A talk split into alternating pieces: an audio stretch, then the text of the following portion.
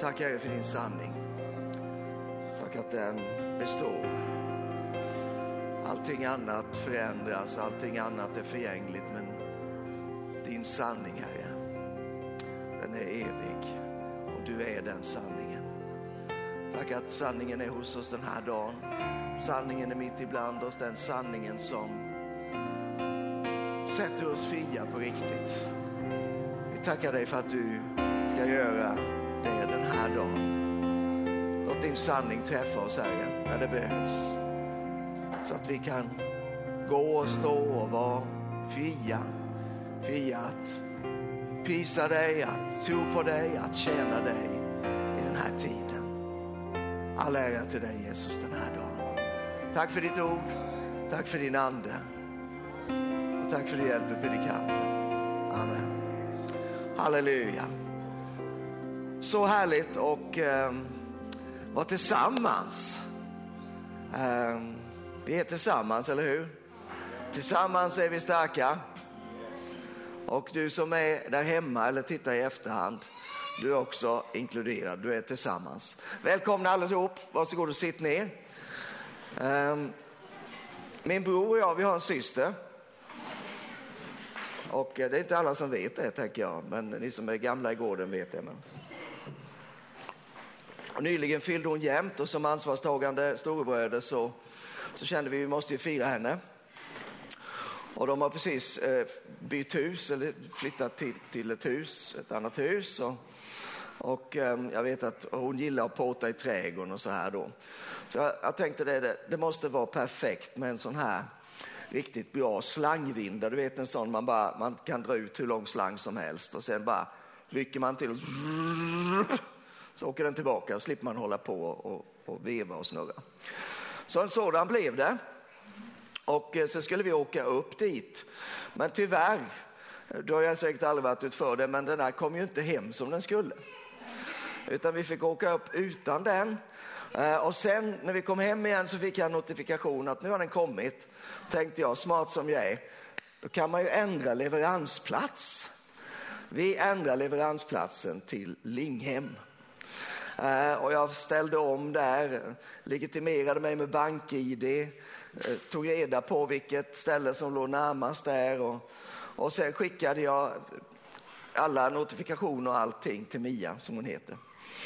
Och sen nu i veckan så, eh, så fick jag en bild ifrån henne när hon hade öppnat en paket. Och så tänkte hon, jag, jag har aldrig sett någon sådan slangvinna för jag hade frågat henne, jag tänkte det är lika bra att fråga liksom, hur lång slang behövs det för att nå runt i trädgården? Så hon tänkte, det här var, det var fantastiskt, jag har aldrig sett en sån här slangvinda. Så öppnade hon lite mer. Så visade det sig att det var ingen slangvinda. Utan det var den grill som jag har beställt till, till idag. För att idag efteråt här så ska Ida med flera grilla hamburgare som vi kan äta. Så det innebär att nu har Ida till sitt förfogande en slangvinda och Mia ska försöka vattna med en grill. Tänk så det kan bli. Och då tänker jag på det här uttalandet då. Jag är inte dum, jag har bara otur när jag tänker. För det var ju precis det det var. Eh, Lite korkat kan, får man ju erkänna att det var, för man kunde läst lite bättre. Men, men man tar inte riktigt reda på förutsättningarna. man läser inte så noga. För till saken hör att även min, min bror har en tendens, han har precis åkt tillbaka till Sri Lanka nu förresten, så kom ihåg honom och Annika i era böner. Um, han har en tendens att, att handla grejer så ska jag lösa ut dem. Så jag hade sådana paket på gång med, så jag hade en massa olika och du vet det är, det är DHL och det är Schenker och det är Postnord och det, en del ska legitimeras och en del går inte att legitimeras och en del skickar, man köper på ett ställe men de skickas från ett annat. Ja, eh, utan att ursäkta mig själv för mycket nu. Men det jag vill tala lite grann om idag, det är just utmaningen att tänka. Eh, och jag vill ta dig med tillbaka först till för nästan ett år sedan, i augusti i fjol, så hade vi en församlingsdag ute i Vriksta. Hur många var det som var med? Får se. Ja, ganska många utav er. En härlig dag och nu laddar vi ju för ett helt läger eh, i sista helgen i augusti. Så se till att du kan vara med på det, för då åker vi till Öland och fröjdar oss en hel helg. Eh, men på församlingsdagen i höstas, eller ja, sommar var det fortfarande, så hade vi bland annat ett jättestort plakat uppsatt på väggen. Det var flera, men ett av dem, där fick man sätta ett streck. Det här tycker jag att vi borde prata om mer i församlingen. Och så fanns det lite olika ämnen, eller det skulle nog predikas och undervisas snarare då. Men då, då var det liksom bibelläsning. Hur, hur många känner att det behöver hjälp med bibelläsning? Ja, det var ett antal streck. Bön, Eh, relationer, äktenskap. Men det som i särklass var mest ifyllt, det var flest streck. Jag kollade på skylten häromdagen för, så att jag mindes rätt. Det var att tänka som Jesus. Det var flest som hade önskat att vi skulle tala om det. Och nu är jag ju lite sen på bollen då för jag erkänna, men det är ju att vi har, vi har så mycket, så länge varit så fokuserade på att vi måste få Gud ibland oss. Så det har liksom legat före och över allting annat. Och jag skulle vilja säga att det ligger nog fortfarande där. Men nu kände jag att jag ville ändå ta upp det eh, och tala lite grann om att tänka som Gud. Och då vill jag ta med er också till Uppsala. Eh, eh, de flesta av er har kanske varit i Uppsala. Vi fortsätter handuppräckningen här. Ja. Eh, I Uppsala så finns ett universitetsbibliotek som heter Carolina Rediviva. Och ovanför entrén, huvudentrén till detta universitetsbibliotek så kan man läsa att tänka fritt är stort, men tänka rätt är större. Det är, det är, aulan är det, förlåt. Det är aulan. Uh, I vilket fall så är detta en ganska tänkvärd devis, eller hur? Vi är väldigt inriktade på frihet. Men allt, bara för att det är fritt, betyder ju inte att det är rätt, att det är bra. Utan det är viktigare att tänka rätt än att få tänka fritt. Och det jag tänker då, det är ju att tänka som Jesus, det måste vara det största. Det största är att tänka som Jesus. Och vi ska prata lite grann om, och, och, när man börjar fundera kring detta som jag gjorde då, då inser man att här finns mycket man kan säga och mycket man behöver säga.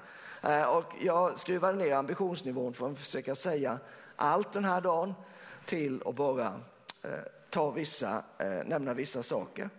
Men syftet med det här, det är ju att du och jag ska börja tänka ännu mer som Jesus. För jag tror att du har märkt det. Du tänker inte alltid som Jesus. Nej, inte jag heller. Det är ingen av oss som gör. Det finns ingen automatik i detta. Man kan vara kristen. Jag tror att de flesta som är här säger jag är kristen. Man kan vara, ehm, det vill säga att man tror på Gud. Man kan vara född på nytt. De flesta här är nog det. Man kan vara fylld med den heliga ande. De flesta här är nog det. Men man kan ändå tänka fel. Åh, vad jobbigt. Men man kan också tänka rätt och det finns hjälp eh, att få så att man kan tänka rätt. För det är otroligt betydelsefullt att faktiskt tänka rätt. För våra, våra tankar är ju en del av ett större sammanhang. Vi fungerar ju så som människor att mycket av det som vi är det kommer utifrån våra handlingar. Och våra handlingar kommer i allt väsentligt utifrån vad vi tänker. Det är vissa bara sådana här eh, ryggmärgsreflexer som vi kanske skulle hänskjuta till att vi har inte tänkt före, men antagligen så ligger det ändå i den här processen. Det fanns eh, på 90-talet Eh, en, en man, jag vet inte hur länge han levde, men han hette Ed Cole. Han skrev många böcker, talade mycket till eh, halva människosläktet, till männen. Eh, och ett, ett uttalande som jag kom ihåg från honom, det var ungefär så här att varje förändring kommer på vingarna av en ny tanke. Och det här kan ju vi se om vi tittar ut över den här världen så dyker det upp nya tankar. Och om de tankarna får inflytande så påverkar det väldigt, väldigt mycket. Och, och, jag är en sån som tycker att det är ganska intressant med historia, men det som, det som jag tycker är ännu intressantare än historien i sig, det är ju att se hur olika idéer, olika tankar har eh, fört historien framåt och satt sin prägel på historien. Ta till exempel Martin Luther, om vi ska ta ett, ett positivt exempel. Han läser i sin bibel och ser att den rättfärdige ska leva av tro. Och den här, han är ensam om den här tanken, men han kan inte släppa den här tanken därför att han förstår det som att det är så Jesus tänker. Eh, och därför så, så håller han bara fast vid den och han blir motarbetad big time utav princip alla och i synnerhet utav kyrkan. Men han håller ändå fast vid den och nu rätt länge senare i och för sig, men så, så är ju stora delar av västvärlden är präglade utav den tanken. Den fick ett sånt inflytande. Sen finns det tyvärr många negativa exempel. De tar vi inte upp just nu i alla fall. Eh, men eh, jag nämner om detta bara för att betona för dig att till och med på en världsvid, eh, ett världsvitt perspektiv så är tankar någonting otroligt starkt och inflytelserikt. Hur mycket mer då inte i mitt liv, i ditt liv? Vi påverkas av hur vi tänker. Vi påverkas av hur andra tänker. Men tanken är att vi mest ska påverkas av hur Jesus tänker. Men jag, vill ta, jag har lite bibelord som jag vill dela med dig. Det är så jag brukar fungera. Eh, och eh, de kommer kanske inte på skärmen här alla, men de kommer i alla fall. Nu får jag be om ursäkt om jag brister ut i någon slags manifestation här så, så beror det på att jag har lite jobbigt med halsen. Men i Jesu namn ska det gå bra. Eh, men det första jag vill säga, då, eller det första bibelordet snarare, för jag har redan sagt en hel del, det är från Matteus, det fjärde kapitlet och det är när Jesus börjar sitt, sin predikogärning. Eh, han har haft en, en eh, kusin, får vi kalla honom. Kanske inte first cousin som de säger, snarare en syssling, om man tänker efter. Men han, han heter Johannes och han hade ett väldigt enkelt budskap. Eh, Johannes han predikade så här. Himmelriket är nära, omvänd er. Och så kommer Jesus och han bara fortsätter i precis samma flöde. Han säger så här i, Matteus 4.17. Omvänd er, himmelriket är nära. Och omvändelse, då tänker vi ju på att ändra vårt sätt att leva, att lägga av olika vanor och att till exempel ja, röka, sen förstår jag men det är inte bra att röka. Eh, min kropp är ju ett tempel åt den helige ande. Då, då slutar jag röka, då har jag omvänt mig. Men essensen, grunden i omvändelse, eh, i det begreppet, det är att byta tankar.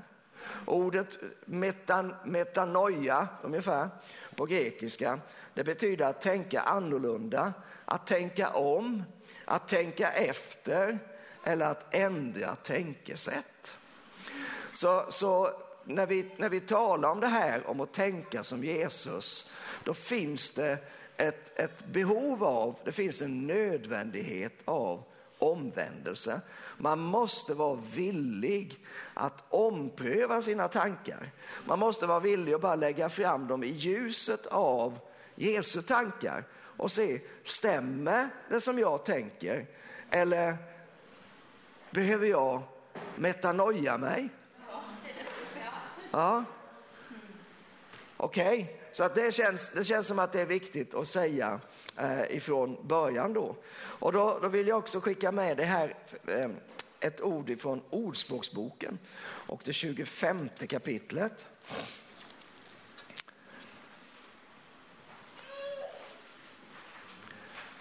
Ganska ofta så kan man uppleva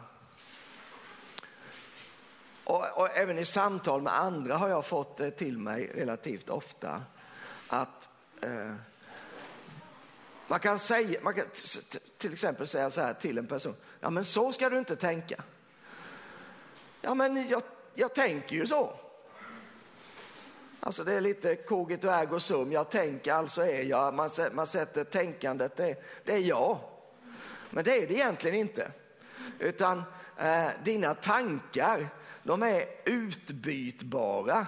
Det är inte liksom, du är inte ett offer för dina tankar, utan du ska vara en ledare för dina tankar. Eh, och här står det i Ordspråksboken då, 25 och 28, som en nedbruten stad utan murar är den man som inte kan styra sitt sinne. Jag tror att det gäller för kvinnor, men jag är inte riktigt säker, jag har inte slagit upp det i grundtexten, men jag skulle tänka mig att det är liknande där. Att om man inte kan styra sina tankar, då är man utan beskydd, då är man liksom utsatt för allting som kommer. Då kommer det en tanke och så bara, woof, oh, den tanken alltså, den var, och det, det kanske kom käpprakt ifrån fel håll. Men därför är det viktigt att man kan styra sitt sinne. Det är viktigt att man inser att Gud har gett mig auktoriteten över mitt liv. Jag menar, Jesus säger, David har redan citerat det här nu inledningsvis om församlingen och jag tänker att vi är ju församlingen var och en i en dimension. Vi är lemmar i Kristi kropp.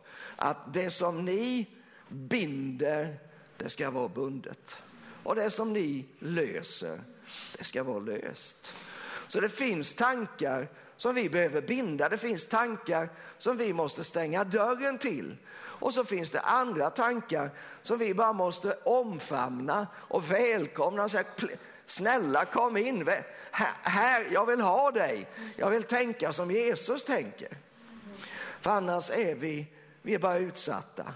Och där kommer ju förstås en fiende att se. Är det en mur som är nere? Vi säger det bara en liten bit av muren. Var sätter fienden in sin attack? Han sätter ju in den där muren är nere, eller hur? Han är inte dum. Han har bara otur när han tänker. Nej, men, men självklart funkar det så, så därför måste vi ha muren uppe. Och då, då, då, då, då, då tänkte jag när jag förberedde det här så tänkte jag på tre olika begrepp som jag bara vill nämna för dig den här morgonen. Och det första det är hjärtats tankar.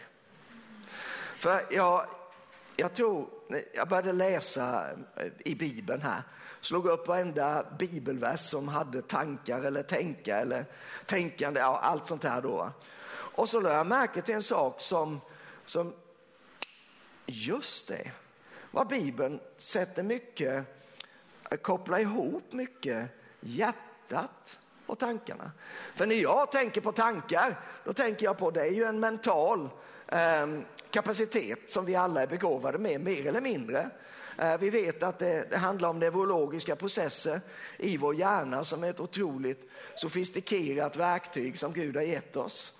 Eh, och där förlägger vi liksom tankarna. Vi brukar tala när vi försöker definiera och säga Eh, anden, det är vår invärtes människa, det är det som Bibeln kallar hjärtat, det är där Gud bor och där är vi pånyttfödda och där är allting frid och fröjd och himmelriket har landat och sen har vi då själen och den, där är det mycket krig.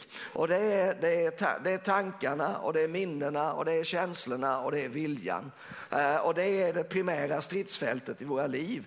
Därför att där är å ena sidan påverkade, Gud har gett sitt ord i vårt hjärta och sen skjuter fienden ifrån utsidan och alltihop krockar i själen och därför blir jag ibland lite förvirrad. Och sen är det då kroppen, men det behöver vi inte säga någonting om just nu. Men det som är intressant att se det är att Gud gör en väldigt tydlig koppling mellan tänkande och hjärta. Och jag vill bara peka på några eh, exempel på detta. Eh, så återigen några bibelverser. I Lukas det femte kapitlet så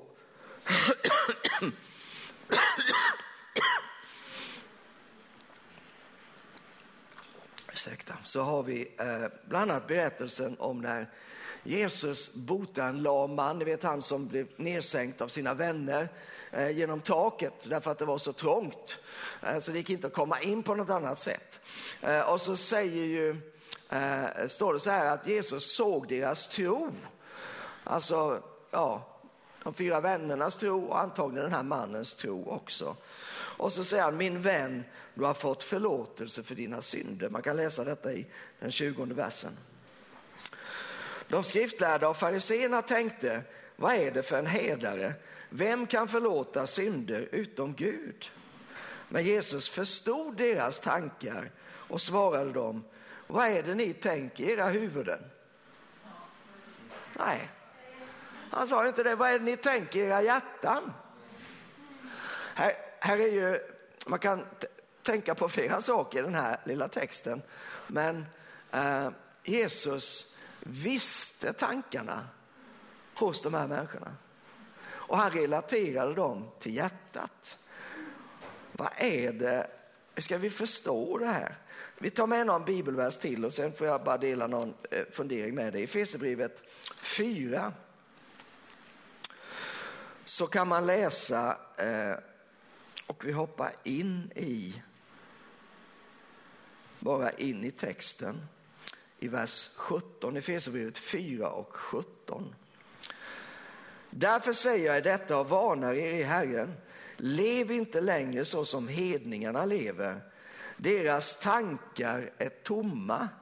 Deras förstånd är förmörkat. De är främmande för livet i Gud därför att de är okunniga och förhärdade i sina hjärtan. Och precis som inte detta var nog så tar vi med ytterligare en vers för att liksom slå in spiken hela vägen. Och det är Matteus, det femtonde kapitlet. Matteus 15.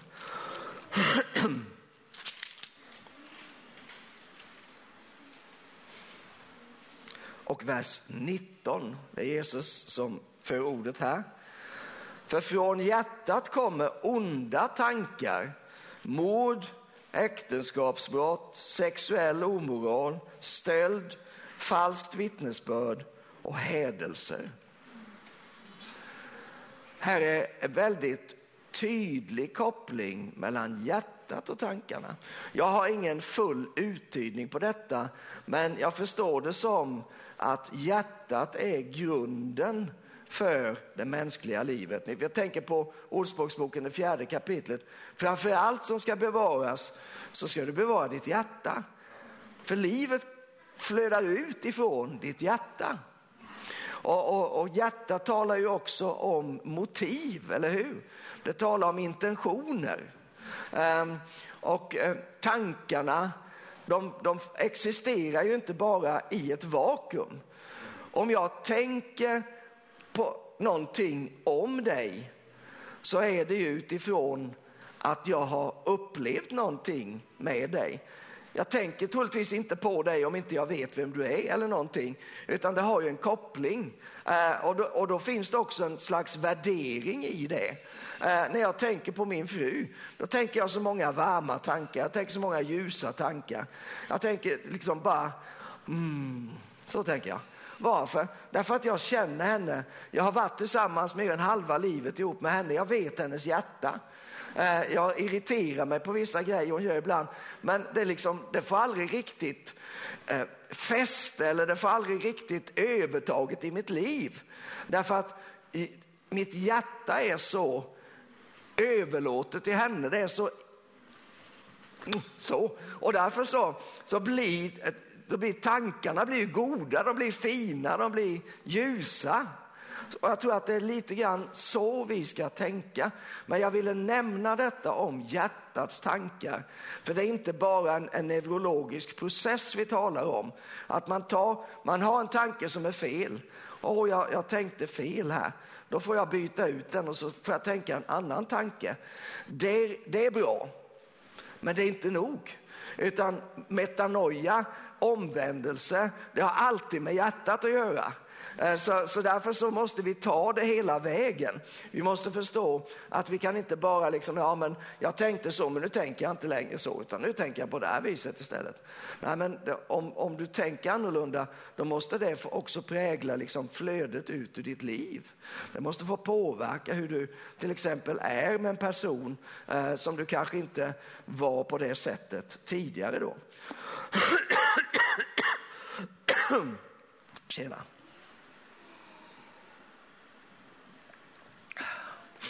Eh, jag har två, två liksom rubriker till här som vi ska beröra lite grann eh, innan vi avslutar. Men eh, om jag får flika in här då, om du, du kan om du vill följa med i din bibel eller slå upp på något sätt, så är Hebreerbrevet 4 ett bra tips just nu. Eh, jag började fundera på eh, Jesus, och det är alltid bra att tänka på honom, eller hur? Eh, han är ju trons början och han är trons mål. Allt som har med vår tro att göra, det är centrerat kring honom. Han, han, är, han är föremålet för vår tro. Vi har tro tack vare honom och allt som vi tror, det är egentligen ämnat att komma tillbaka till Gud, att ge ära till Gud, att vi ska komma till Gud och vara tillsammans med honom i evighet. Och därför, om vi vill veta hur, hur Gud är, ja men då tittar vi på Jesus. För Jesus är, eh, han är en perfekt avbild av Gud. Om vi vill veta hur Jesus tänker, ja då finns det inget bättre än att börja läsa evangelierna. Hur verkar Jesus att tänka? Hur agerar han i olika situationer? För det fanns ingen skillnad mellan hur han gjorde och hur han tänkte. Han var hel. Jesus var en hel människa. Vi är trasiga människor i en eller annan bemärkelse, eller i många bemärkelser. Men Jesus var en hel människa. Så allt han gjorde, det var det rätta. Allt han tänkte var därmed också det rätta. Och då om man ser på Jesus, och det, det hinner vi inte att gå in på så mycket idag, men jag vill bara nämna om det. Då kan man se att hans, hela hans liv, hela hans fokus, hela hans utgångspunkt, det var en enda sak. Det var Gud. Gud stod i centrum i hans liv. Och, och då kan, för oss är det ju lite sådär, hur, hur ska man förstå det här? Menar, Gud, Jesus är 100% Gud, så är han 100% människa, det säger teologerna. Och alla vi sitter och kliar oss i huvudet och, Ja, men hur får man detta att gå ihop? Jag lärde mig i skolan att det finns bara 100%. Liksom. Uh, men vad betyder det? Ja, det var synd att du ställde den frågan, för jag har inget riktigt bra svar på den. Men Jesus var verkligen människa fullt ut. Han blev människa utan att sluta vara Gud, skulle man kunna säga. Så han var både och, men han var inte 50-50. Han var 100-100. Är du med? Ja, tack. Vad bra. Och det gör att han, han är inte bara liksom ett ouppnåeligt föredöme, utan han är ett konkret exempel för dig och mig att följa. Och därför så sa Jesus också det, Johannes 14, sa han, att eh, de som tror på mig, de ska själv göra samma gärningar som jag gör. Och då, om, om, om gärningarna kommer ut från tankarna så måste det betyda att då behöver vi också tänka som Jesus gjorde, eller hur? För att vi ska kunna göra det som Jesus gjorde. Om Jesus gjorde gärningarna som Gud, då är ju vi utan chans. För då kommer vi aldrig kunna klara det, för vi är inte Gud. Vi är människor. Men om Jesus gjorde sina gärningar som en människa, då ligger vi väl till. För då kan vi också göra det, men då måste vi tänka som honom. Så det är det som är lite grann grunden. Och då vill jag i, i, i ljuset av det så vill jag säga att, att Guds ordet var absolut avgörande för hur Jesus tänkte. Och, och jag vill bara utveckla det en liten smula, men jag kan börja med att säga att ibland så kommer jag bort ifrån Guds ord i mina tankar. Har du varit med om det någon gång? Ja. Jag slutar att tänka som Jesus, eller jag kanske inte ens kommer i närheten av det. Men så fort jag gör det så är det ju mina tankar. Och vi vet ju det, vi kommer strax till det, vi ska läsa i Jesaja 55, där Gud säger att mina tankar, säger han, är högre än era tankar. Så om det blir mina tankar, det vill säga P.O. Svenssons tankar, då är de så låga, de är så otillräckliga. Eh, men om jag tappar bort och tänka som Gud, då, då är jag inte eh, där Gud tänkte att jag skulle vara. Och jag kan inte heller göra det som Gud tänkte att jag skulle göra, utan allt blir liksom, det blir förvrängt, det blir, det blir ofullständigt, det kanske till och med blir katastrof om man, om man går tillräckligt länge på det hållet. Men i Hebreerbrevet 4 så står det så här i vers 12, välkända bibelord för de flesta tror jag. Guds ord är levande och verksamt. Det är skarpare än något tveeggat svärd och det genomtränger tills det skiljer själ och ande, led och märg och det dömer över hjärtats uppsåt och tankar. Så med andra ord så finns det en mätare. Det finns ett sätt att ransaka sina tankar. Rannsaka det betyder att pröva tankarna. Och det är ganska bra att göra det. Att när det kommer en tanke, i synnerhet om det kommer tankar flygande, vilket man ju upplever ganska ofta då, att, att hallå, den här tanken, stämmer den överens här? Funkar den ihop med gudsordet eller, eller säger den någonting annat än gudsordet? För vi kan ju bli fullständigt överväldigade av en tanke. Inte bara liksom lite påverkade i ena kanten men, men intagna utav en enda tanke. Och kommer det sen en hel svärm men då finns Guds ord där. Så vi kan pröva tankarna. Och det, det är ett bra tips. Tips från pastorn idag den 11 juni. Pröva dina tankar. Inte alla tankar är rätta. Och så finns det ju tankar som är rätta men som kanske ändå inte är Jesu tankar. Därför att det är, det är skillnad på fakta och sanning. Eller hur? Det finns, det finns vetenskapliga fakta som säger att man kan inte gå på vatten mer än i Sverige på vintern om det har frusit länge, för då kan man gå på sjön. Ja, men du, du vet ju detta. Alltså fysikaliska fakta säger vatten kan inte bära upp, det kan bära upp en skräddare liksom. Men det kan inte bära upp mig, jag väger alldeles för mycket. Så fakta säger en sak, men sanningen gick ju på vatten. Jesus gick på vatten. Så därför så kan det finnas tankar som är rätta i ett perspektiv, men det är ändå inte Jesu tankar. Och det går tillbaka ganska mycket till gudsordet. Därför vad är, vad är gudsordet? Gudsordet är det som föder och göder tron i ditt och mitt liv. Och tron, det bryter liksom igenom de fysiska verkligheterna. Tron får Jerikos murar att falla, tron får Röda havet att öppna sig, tron får Goliat att falla och så vidare. Det är tron som gör det, men den tron är grundad på Guds ord. Och David är ju ett utmärkt exempel givetvis. När han slår Goliat så finns det en hel armé som tänker, det går inte. Det går inte, han är stor, vi är små. De, tänker, de skulle kunna tänka, han är en, vi är många. Men det tänker de inte, de tänker bara, han är stor, det går inte. Och så kommer David och han har ett annat tänk. För han tänker in Gud.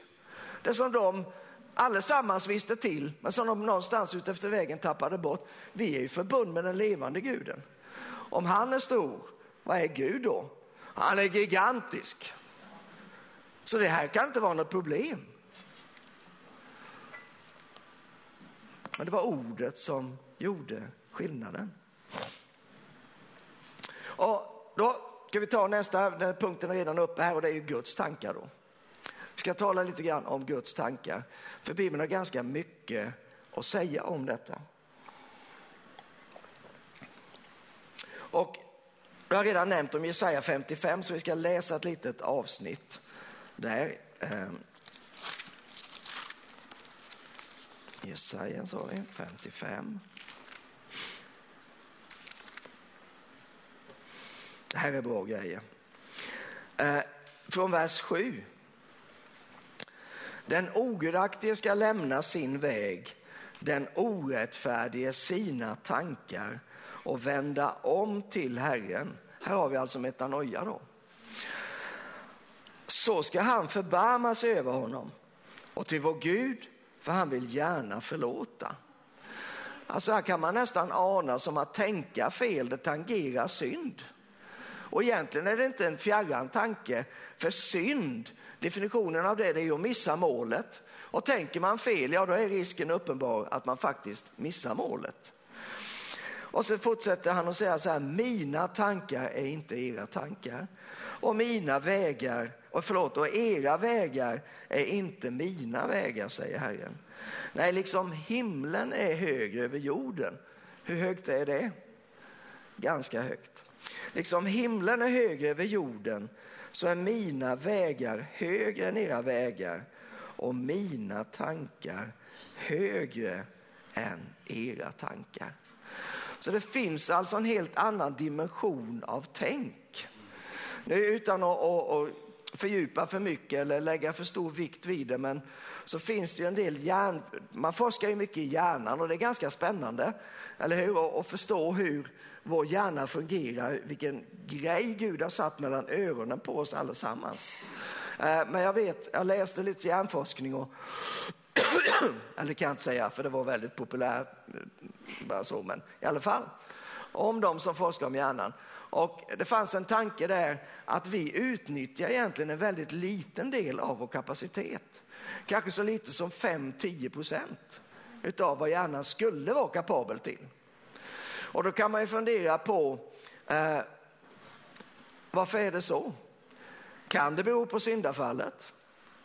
Det skulle kunna vara en tanke, eller hur? Och om det är så, kommer vi någonsin att ha nytta av de andra 90 procenterna? Ja, det borde vi ju ha om syndafallet kan upphävas. Har syndafallet upphävts? Ja, det har det ju. Jesus har ju upphävt syndafallet genom att han dog på korset för vår skull och uppstod igen i seger över döden. Så är syndens makt bruten. Så att det finns med andra ord en, en kapacitet hos oss att tänka mer. Tänker du, jag vill inte tänka mer, jag blir trött redan av det jag tänker, men, men det är inte det jag menar. Utan att tänka större, att tänka bättre, att tänka mer av Guds tankar. Det är det jag tänker. Eh, du känner ju igen, vi behöver inte slå upp det, men Jeremia 29 citerar vi så ofta så att det nästan blir tjatigt. Jag vet vilka tankar jag har för er, säger Herren. Eh, och då kan man ju Eh, och sen fortsätter han att säga, nämligen fridens tankar och inte ofärdens, för att ge er en framtid och ett hopp. Man kan förstå den versen på två sätt, tänker jag. Man kan förstå den versen som att, att Gud har tankar för oss och de är goda och fina för att vi ska ha, inte ge upp, utan att vi ska inse att vi har en underbar framtid. Men man kan också förstå det som, jag vet väl vilka tankar jag har för er, det vill säga tankar som Gud vill ge till oss så att vi kan tänka dem. Är du med? För det blir nästan ännu bättre kan jag tycka. Om Gud har underbara tankar och sen, du, du får mina tankar. För det är väl lite så det fungerar med Gud, är det inte det?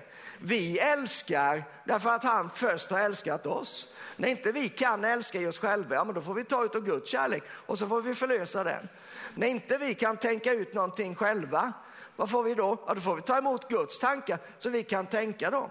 Är det inte precis det som det står om i första Korinthierbrevets andra kapitlet? Där det står att vi har, vi har fått Guds ande för att vi ska veta vad som har blivit oss skänkt av Gud. Och vi har Kristi sinne, vi kan förstå allting. Hemskt vad tyst det har blivit i kyrkan idag. Ja, men, ja, vi, kan vi bara flytta ut väggarna en liten smula? Ibland blir det så här, nej, nej, nej, jag, jag fattar ingenting. Men, åh, det finns så mycket utrymme i Gud, det finns så mycket möjlighet i Gud. Ja, det finns så mycket underbart i Gud. Han har tankar för dig som han vill ge till dig så att du kan tänka de tankarna, så att du kan se vilket hopp och vilken framtid du har och så att du kan förmedla det till den här världen.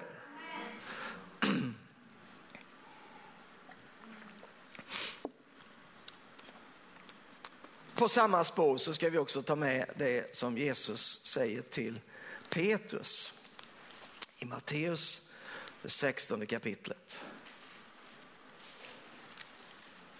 Man brukar ju lyfta fram det här texten i det här kapitlet eh, som ju eh, har dels Petrus bekännelse av Jesus som Messias. Och så säger, eh, säger Jesus att det där har du inte kommit på själv Petrus, utan det är, det är Gud som har uppenbarat detta för dig. Och sen kommer man bara några verser längre ner och så står samma Jesus och samma Petrus eh, där. Och så, så, säger, så, och, och, så säger Jesus här till Petrus, gå bort ifrån mig Satan. Det verkar som det är typ exakt vid samma tillfälle. Du vill få mig på fall för dina tankar är inte Guds utan människors.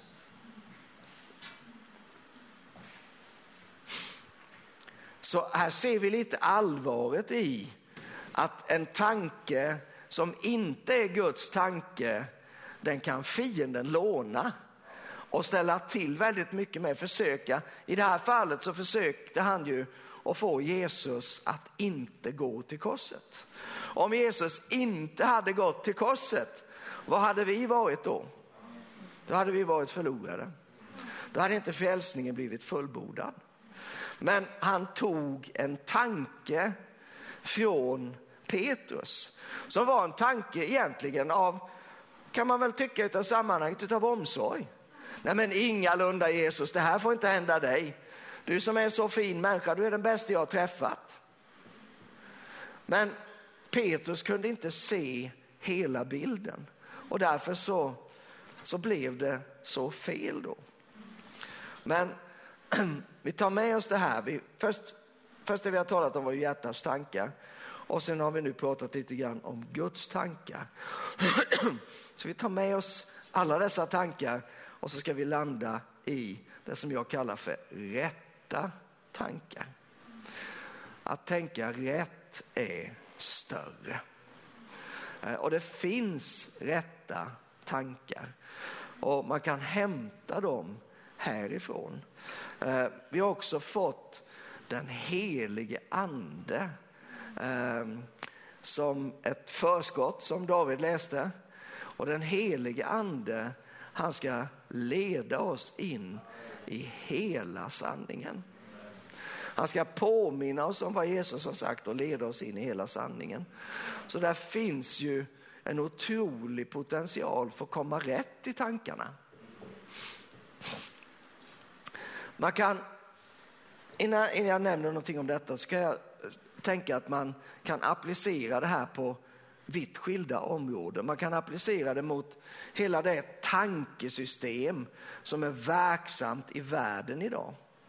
Denna tidsålders tänkande, som, det är väl ett bibliskt uttryck typ va? Ehm, denna världens ande som är utgjuten. Och det är ett, ett gigantiskt paket av tankar men som är egentligen till sin natur antikristliga. De är emot Jesus. De är inte för Jesus, de är emot Jesus. Det har pågått under, eh, under århundraden nu faktiskt en väldigt tydlig trend av att föra fram tankar som reser sig upp emot kunskapen om Gud. Du känner igen ifrån andra Korinthierbrevet, det tionde kapitlet, där, där Paulus säger att, att vi har vapen som är mäktiga inför Gud. De är inte kötsliga utan de är, de är andliga vapen och de kan bryta ner tankebyggnader, bålverk talas det om, befästningar, fäst, fästen och så vidare. Så man kan tala om det på det sättet och det är absolut nödvändigt att göra det. Och jag ska landa i det alldeles strax här. Men man kan också och behöver också i lika hög grad ta det till sitt eget tankeliv. För att dina tankar är betydelsefulla. Det är betydelsefullt att du tänker rätt. För det kommer att påverka och, och i vissa fall också avgöra hur du gör, hur du behandlar din nästa. Eh, om du, om du eh, vågar lita till Gud eller inte. Det är massa saker som kommer att komma ut ifrån detta. Men får jag ge ett par verser när det gäller rätta tankar. Och då tar vi först eh, ett bibelord ifrån ehm, Andra Korinthierbrevet, det tredje kapitlet och vers 4.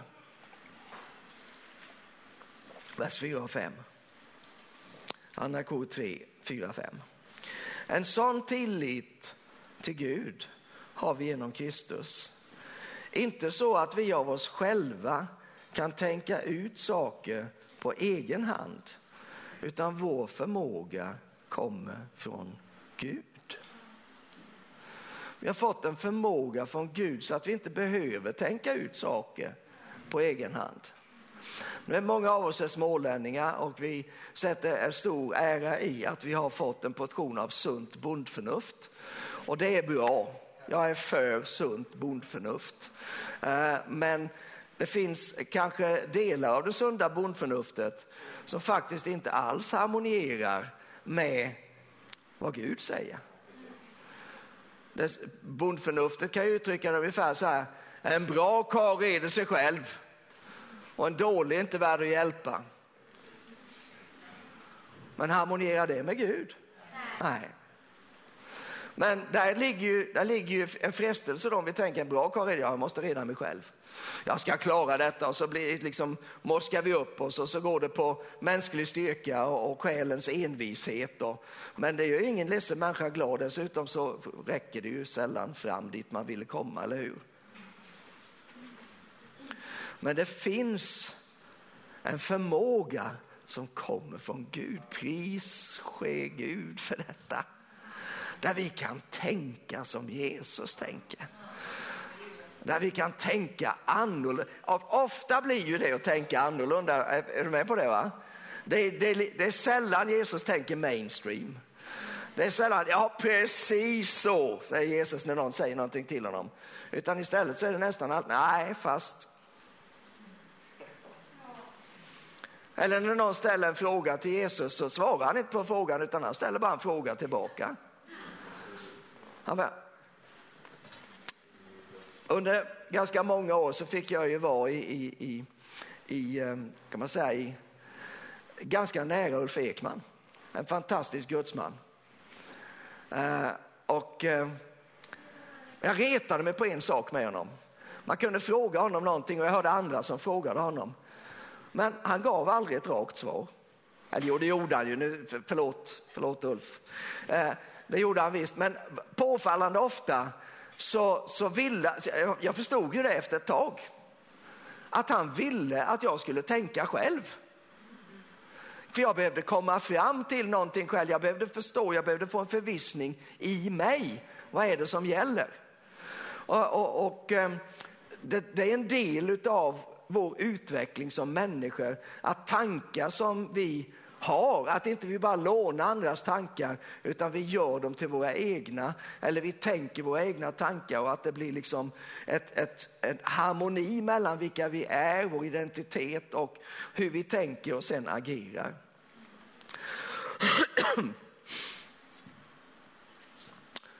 Och nu tappade jag tråden. Men eh, om vi tänker lite så kanske vi kommer tillbaka dit. Men vad vi talar om här det är ju i alla fall om att tänka rätta tankar. Eh, och då finns det ju eh, ett par bibelverser som jag direkt kommer att tänka på som, som är väldigt riktningsgivande. Och det första är Kolosserbrevet 3 och 2. Jag vet inte hur många gånger jag har läst vers 1 och 2 i Kolosserbrevet 3. Jag tycker de är så bra. Nu tar vi bara vers 2 just idag, för där säger det så här. Tänk på det som är där ovan, inte på det som är på jorden. Vad betyder detta? Tänk på det som är där ovan, inte på det som är på jorden. Jo, jag tror att det är viktigt att vi alltid har med oss himlens perspektiv när vi lever här på jorden. För himlen, evigheten, livet tillsammans med Gud, konkret uttryckt, det är förutsättningen för att vi ska kunna leva ett bra liv här på jorden. Men också eh, och, och, som sagt var jag är på väg åt ett visst håll här så jag vill, ska ta med det. Också medvetenheten om att tillvaron är andlig. Att inte bara ta inomvärldsliga tankar eller lösningar eller svar när vi står inför, säg vi står inför en utmaning. Jaha, då googlar vi på hur möter man den här utmaningen? Jo, men då finns det någon som har gjort så här, så finns det någon som tänkte si och så finns det någon som agerade på detta sättet. Jaha, eh, men det är inget av detta passar riktigt in. Vi får göra någon slags kombination av detta. Men många gånger glömmer bort och tar det hela till Gud och säger Gud, hur skulle du göra? Hur tänker du? Vad tänker du om detta? Utan istället så, så, så drar vi en slutsats, ibland lite förhastad. Jag menar, eh, det finns ett, eh, det finns ett uttryck på engelska eh, som heter jump into conclusions. Som väl skulle kunna översättas dra förhastade slutsatser ungefär. Eh, och jag vet människor som är experter på detta. Och det blir, liksom, det blir skrattretande. Och jag försöker hålla mig själv från att inte dra för, för mycket förhastade slutsatser. Men det är väldigt lätt att göra det därför att man i tankarna så relaterar man ju till, ja men det har jag varit med om innan eller jag hörde någon som sa det där och, och så, så kopplar man ihop en massa grejer. Jaha, då är det så. Fast det kan inte alls vara så. Det får inte vara för kvick det, utan jag måste istället ta till mig Guds sätt att tänka. Och då behöver tänkandet vara ihopkopplat med honom. Det behöver vara ihopkopplat med himlen. Det behöver vara ett, ett andligt tänk så att jag får en andlig förståelse utav tillvaron. Och så förstås Filipperbrevet 4 och 8. Jag tror vi ska slå upp det. Vi kan ta det i, i lite mer i kontexten här. Filipperbrevet 4. Då ska vi strax sluta här.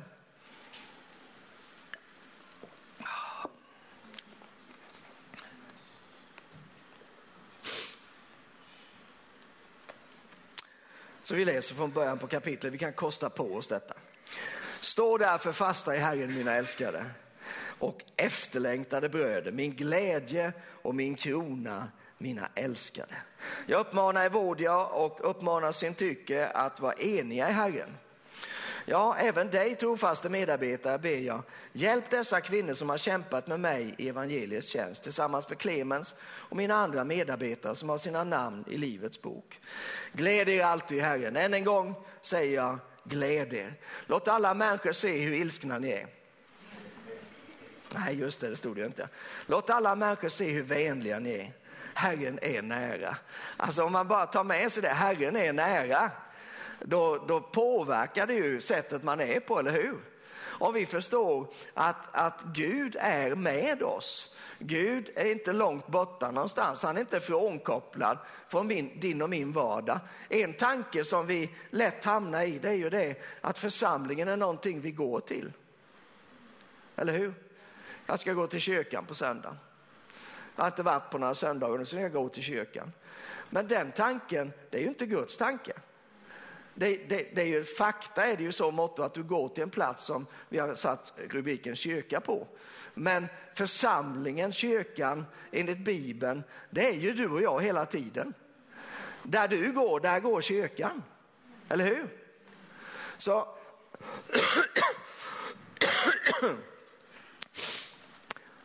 kommer vi ihåg att Herren alltid är nära, då kommer det osvikligt att påverka också hur vi tänker. Fortsätter han att säga, bekymra inte för något. Var sitter bekymren någonstans? Ja, men de sitter ju ganska mycket i tankarna, eller hur? Utan låt Gud få veta alla era önskningar genom bön och åkallan med tacksägelse. Då ska Guds frid som övergår allt förstånd bevara era hjärtan och era tankar i Kristus Jesus. Det är där de är hemma, våra tankar. De är hemma i Kristus Jesus. För övrigt bröder, systrar, hundar och katter. Allt som är sant och värdigt, rätt och rent, allt som är värt att älska och uppskatta, allt som kallas dygd och förtjänar beröm. Tänk på allt sådant.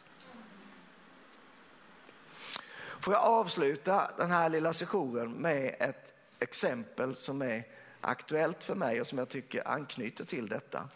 Ehm, jag är ju pastor som ni vet, har varit det ganska länge. Jag har mycket kontakt med andra pastorer. Det som ligger överst nu, antingen man vill det eller inte, för de flesta pastorer och, och ledare i Kristi kropp, det är detta som har med hbtq att göra. Eh, och det har inte undgått någon av oss, tänker jag. Eh, man får vara, mm, jag vet inte vad man får vara, får missa det. Eh, så att det är någonting som, som behandlas och som behöver behandlas givetvis. Och det finns som med mycket annat så finns det olika tankar. Eller hur?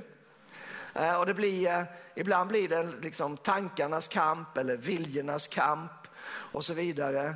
Eh, och precis som i allting annat så tänker jag att det är viktigt, för att inte säga avgörande, att, att man försöker och fästa tankarna i Gudsordet så gott man nu kan.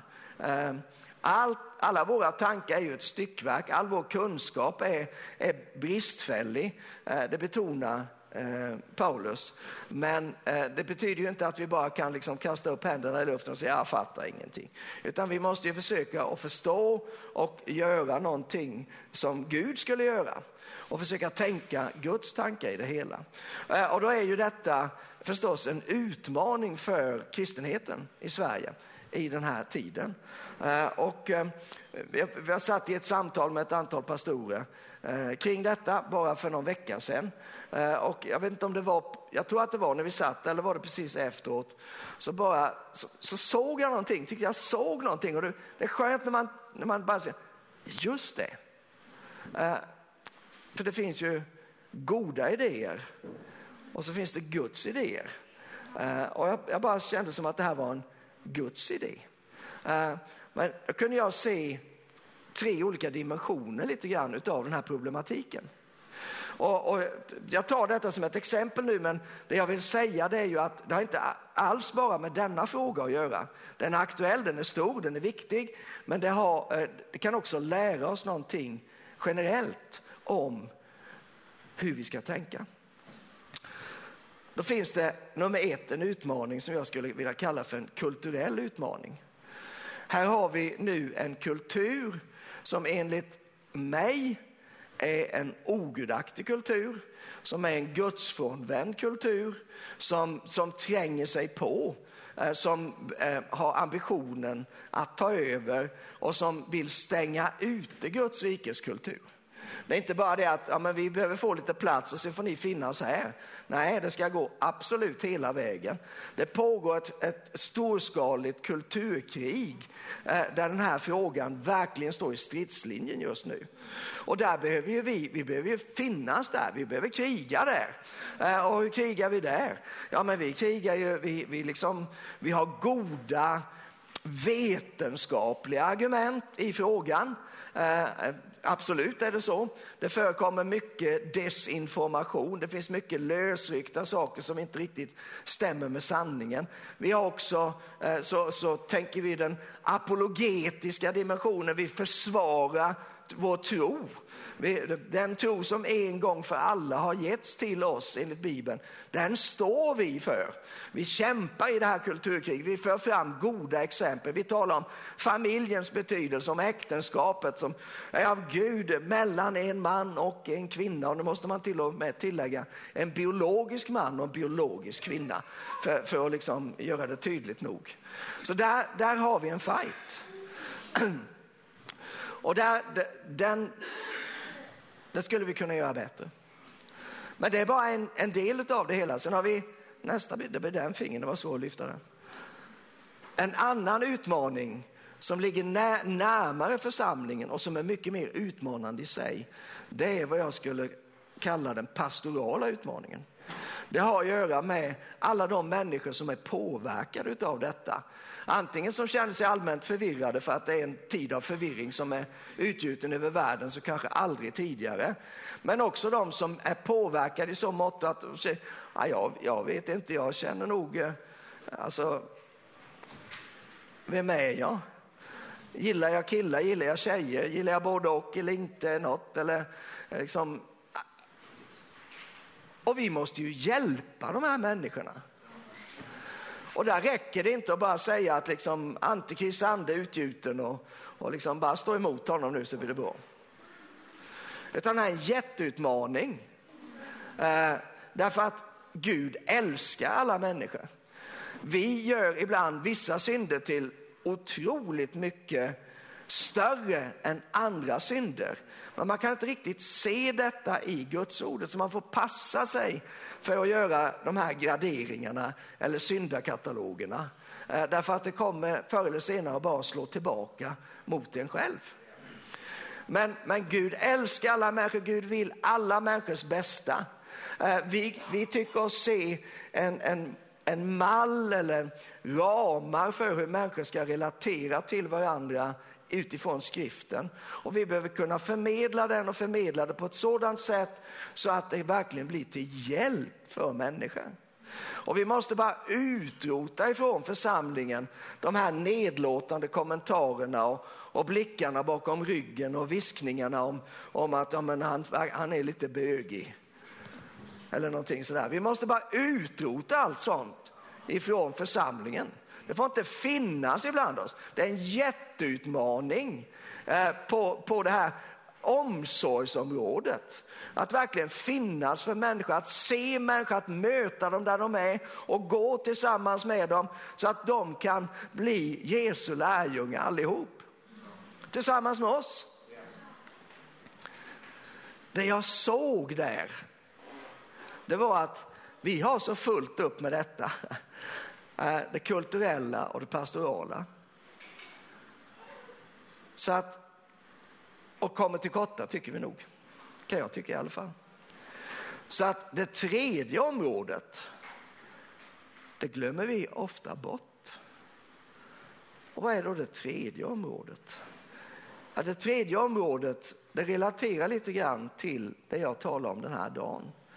Vår förståelse av och tankar om tillvaron som först och främst en andlig tillvaro.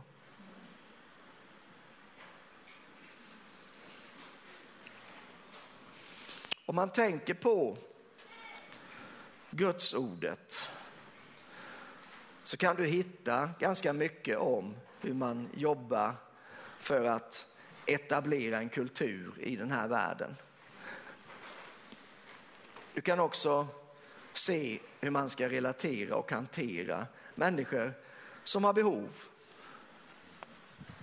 Men det allra mesta du ser det är att Gud har satt församlingen, dig och mig, i den här verkligheten som en andlig storhet, som en andlig auktoritet. Vi har fått makt att använda Jesu namn. Hans namn är högre än alla andra namn. I hans namn ska alla knän böja sig. Vi har fått himmelrikets nycklar som vi kan lösa och vi kan binda.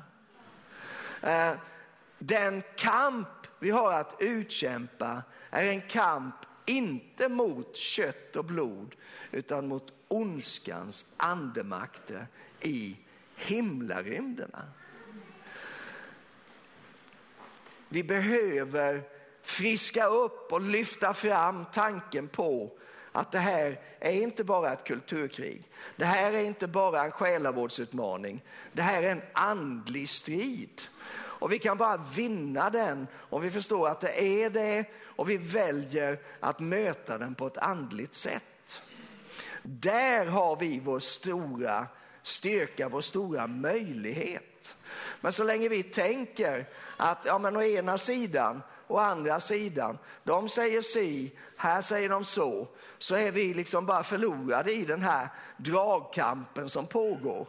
Men om vi förstår och börjar tänka på att Gud har satt oss här, vi har fått makt och auktoritet, vi kan påverka i den osynliga världen och det som vi påverkar i den osynliga världen, det får återverkningar i den synliga världen. Där tangerar vi någonting som är oerhört viktigt när vi talar om hur vi tänker. Så avslutningsvis. Att ändra tänkesätt, det är att omvända sig. Det är att ha tänkt fel, erkänna det och börja tänka rätt. Men det handlar inte bara om tankeprocesserna i vårt huvud, utan det handlar om motiven bakom. Det handlar om vårt hjärta, det handlar om vårt innersta som behöver genomsyra vårt tänkande. Det handlar också om att Gud, han har tankar som han vill förmedla till oss. Och vi kan säga, ja tack, jag tar det. Eller vi kan säga, Gud förbjuder, nej, det där är lite för mycket. Det är, det är en otidsenlig tanke som man ser nu som en del för fram då, att vi, vi måste kulturanpassa evangeliet. Vi måste eh, tolka det i vår tid. Då blir jag orolig. Men också ta till oss det faktum att rätta tankar de har alltid med sig en stor förståelse och har sin utgångspunkt i en andlig verklighet. Där blir vi farliga på riktigt för fienden. Det finns ju en bok nu som har kommit ut här innan sommaren som jag rekommenderar, Olof Edsinge. Farliga för fienden. Om vi tänker som världen tänker, om vi eh, sysselsätter vår hjärna med allt som alla andra tänker på, då kommer vi vara fullständigt ofarliga för fienden. Jag skulle önska att var och en av oss var en vass pil som bara skjuter rakt in i fiendens läger och som bringar förvirring på daglig basis överallt där det behövs och på en del andra ställen med. Men då måste vi börja tänka som Gud tänker. Och det var ämnet för dagens predikan och allt folket sa. Amen. Får vi stå upp tillsammans så kan vi förenas i, i bön här. Halleluja. Åh, oh, halleluja. Fader i himmelen, vi tackar dig att du har ställt oss i den här tiden, på den här platsen, för dina syften, Herre.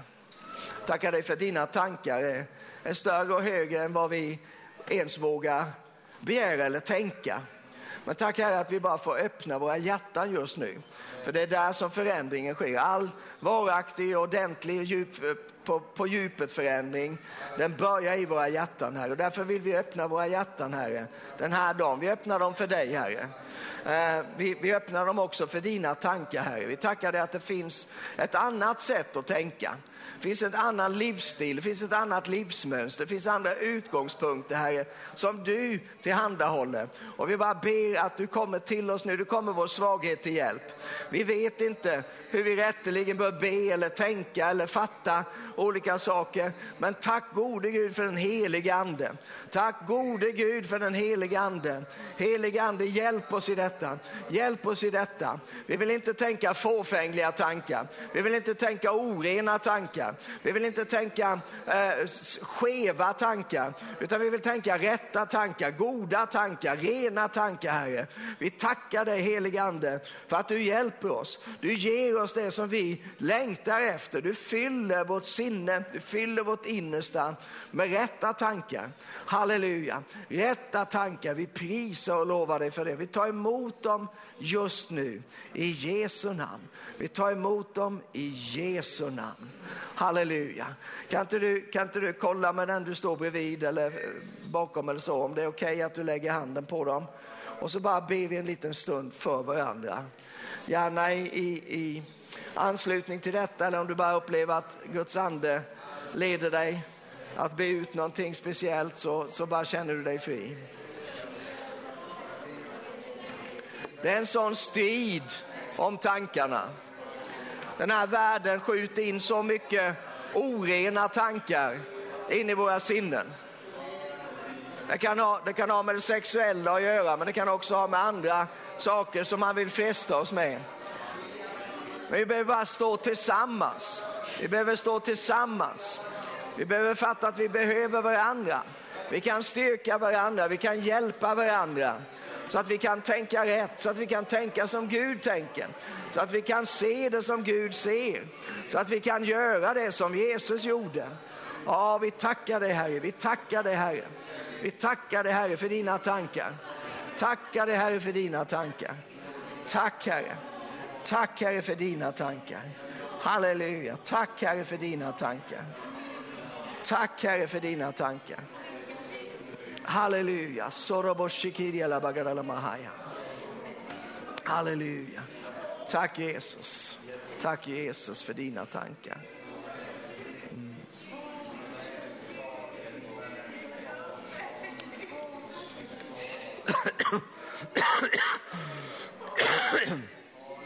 Tack Jesus.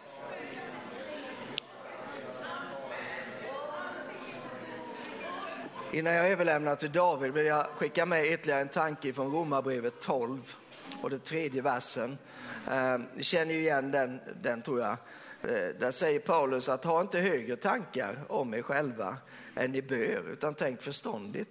Jag läste den bibelversen i, i jag tror det var The Message, eh, idag och eh, då står det så här. Eh, på slutet av versen, nu ska vi se, jag ska försöka översätta det. Det är viktigt att ni inte misstolkar er själva som människor som kommer med den här godheten till Gud. Nej, Gud är den som kommer med allt till er. Det enda riktiga sättet att förstå oss själva det är genom vem Gud är och genom vad han gör för oss. Inte genom vilka vi är och vad vi gör för honom. Det är ganska tänkvärt. Med detta så önskar jag dig all välsignelse och en tankfull vecka. David, så får du avsluta här.